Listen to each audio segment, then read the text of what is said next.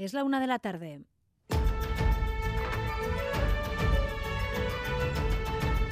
Crónica de Euskadi con María Cereceda.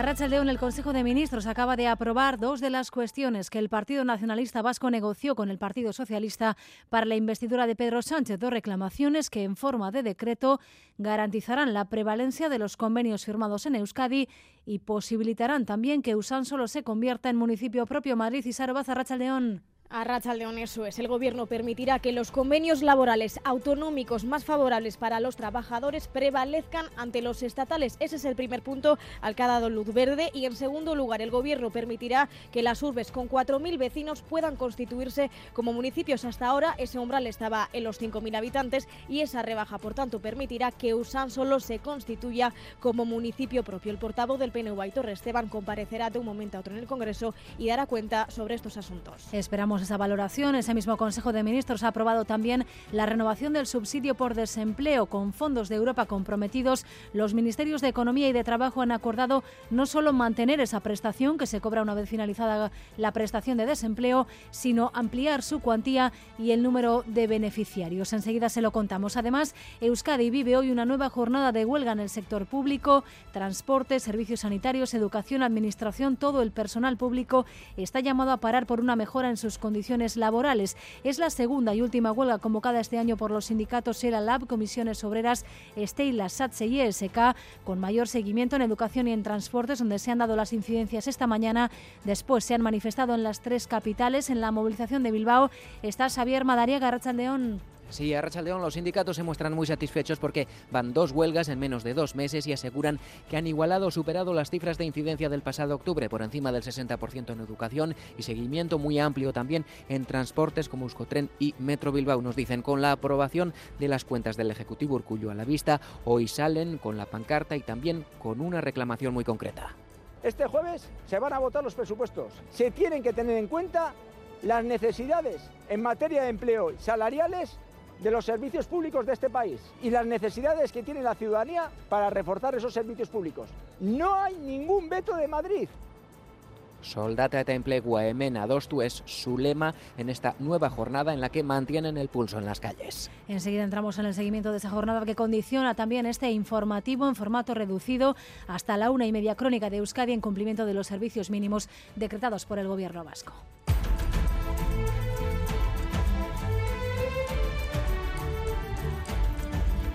En Madrid, reunión importante esta tarde sobre transferencias. Es una de las cuestiones que el Gobierno vasco tiene pendientes en la recta final de esta legislatura. Olatz Garamendi se va a reunir con el ministro Torres para abordar tres traspasos pendientes. A ello se ha referido el portavoz del Gobierno vasco y consejero de Cultura y Deporte, Vingen Zupiría, que lanzaba también este mensaje tras conocerse este fin de semana la denuncia por agresión sexual continuada a un directivo del Lointec Guernica. Este tipo de actuaciones, actuaciones como las denunciadas, no pueden tener lugar en nuestra sociedad.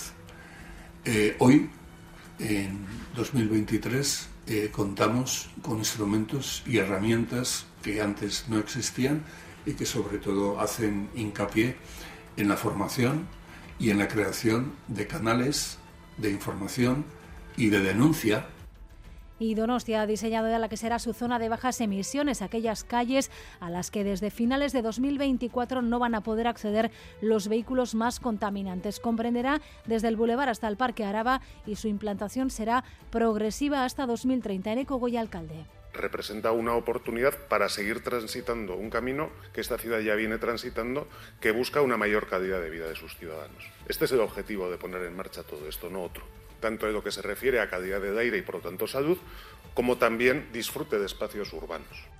El Euskalduna de Bilbao celebra también las Navidades bajo el lema Gabonak Ogeita Irún. Regalo mágico es el nombre de la programación especial de Navidad que arranca hoy mismo y que se prolongará hasta el próximo 14 de enero. Una programación que quiere ir más allá del entretenimiento y ofrecer experiencias culturales. Leisuria Berrizabalaga, diputada de Cultura de Vizcaya, define la programación como cautivadora y diversa una oferta cautivadora y diversa, con la firme intención de que todos los públicos encuentren algo que les inspire, emocione o que les deleite. Desde hoy hasta el 14 de enero podremos disfrutar de un total de 22 actuaciones, abarcando una amplia gama de espectáculos artes escénicas, música, conciertos y actividades al aire, visitas teatralizadas y un paseo lumínico sideral en el bosque metálico la instalación inmersiva de luz y sonido Enigma, a la que se refería, es la actividad que da el pistoletazo de salida a la programación en el bosque metálico de Euskalduna, que se cubrirá con esta sincronía musical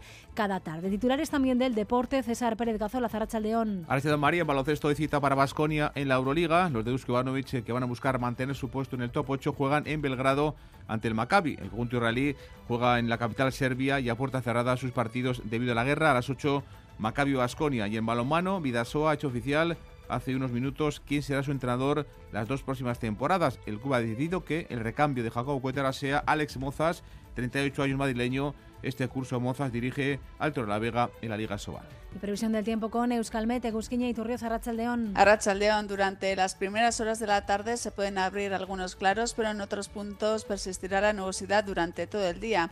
Además, durante la tarde se irá acercando un frente. A las nubes bajas que están estancadas se irá superponiendo la nubosidad del frente y por la noche empezará a llover en puntos del litoral.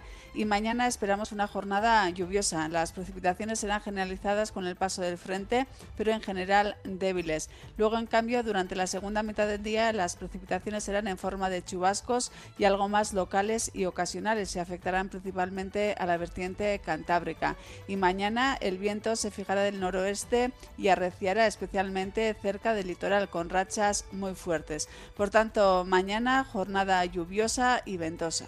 Raúl González y José Barrola están en la dirección técnica y Manuel Manterola en la coordinación. Crónica de Euskadi con María Cereceda.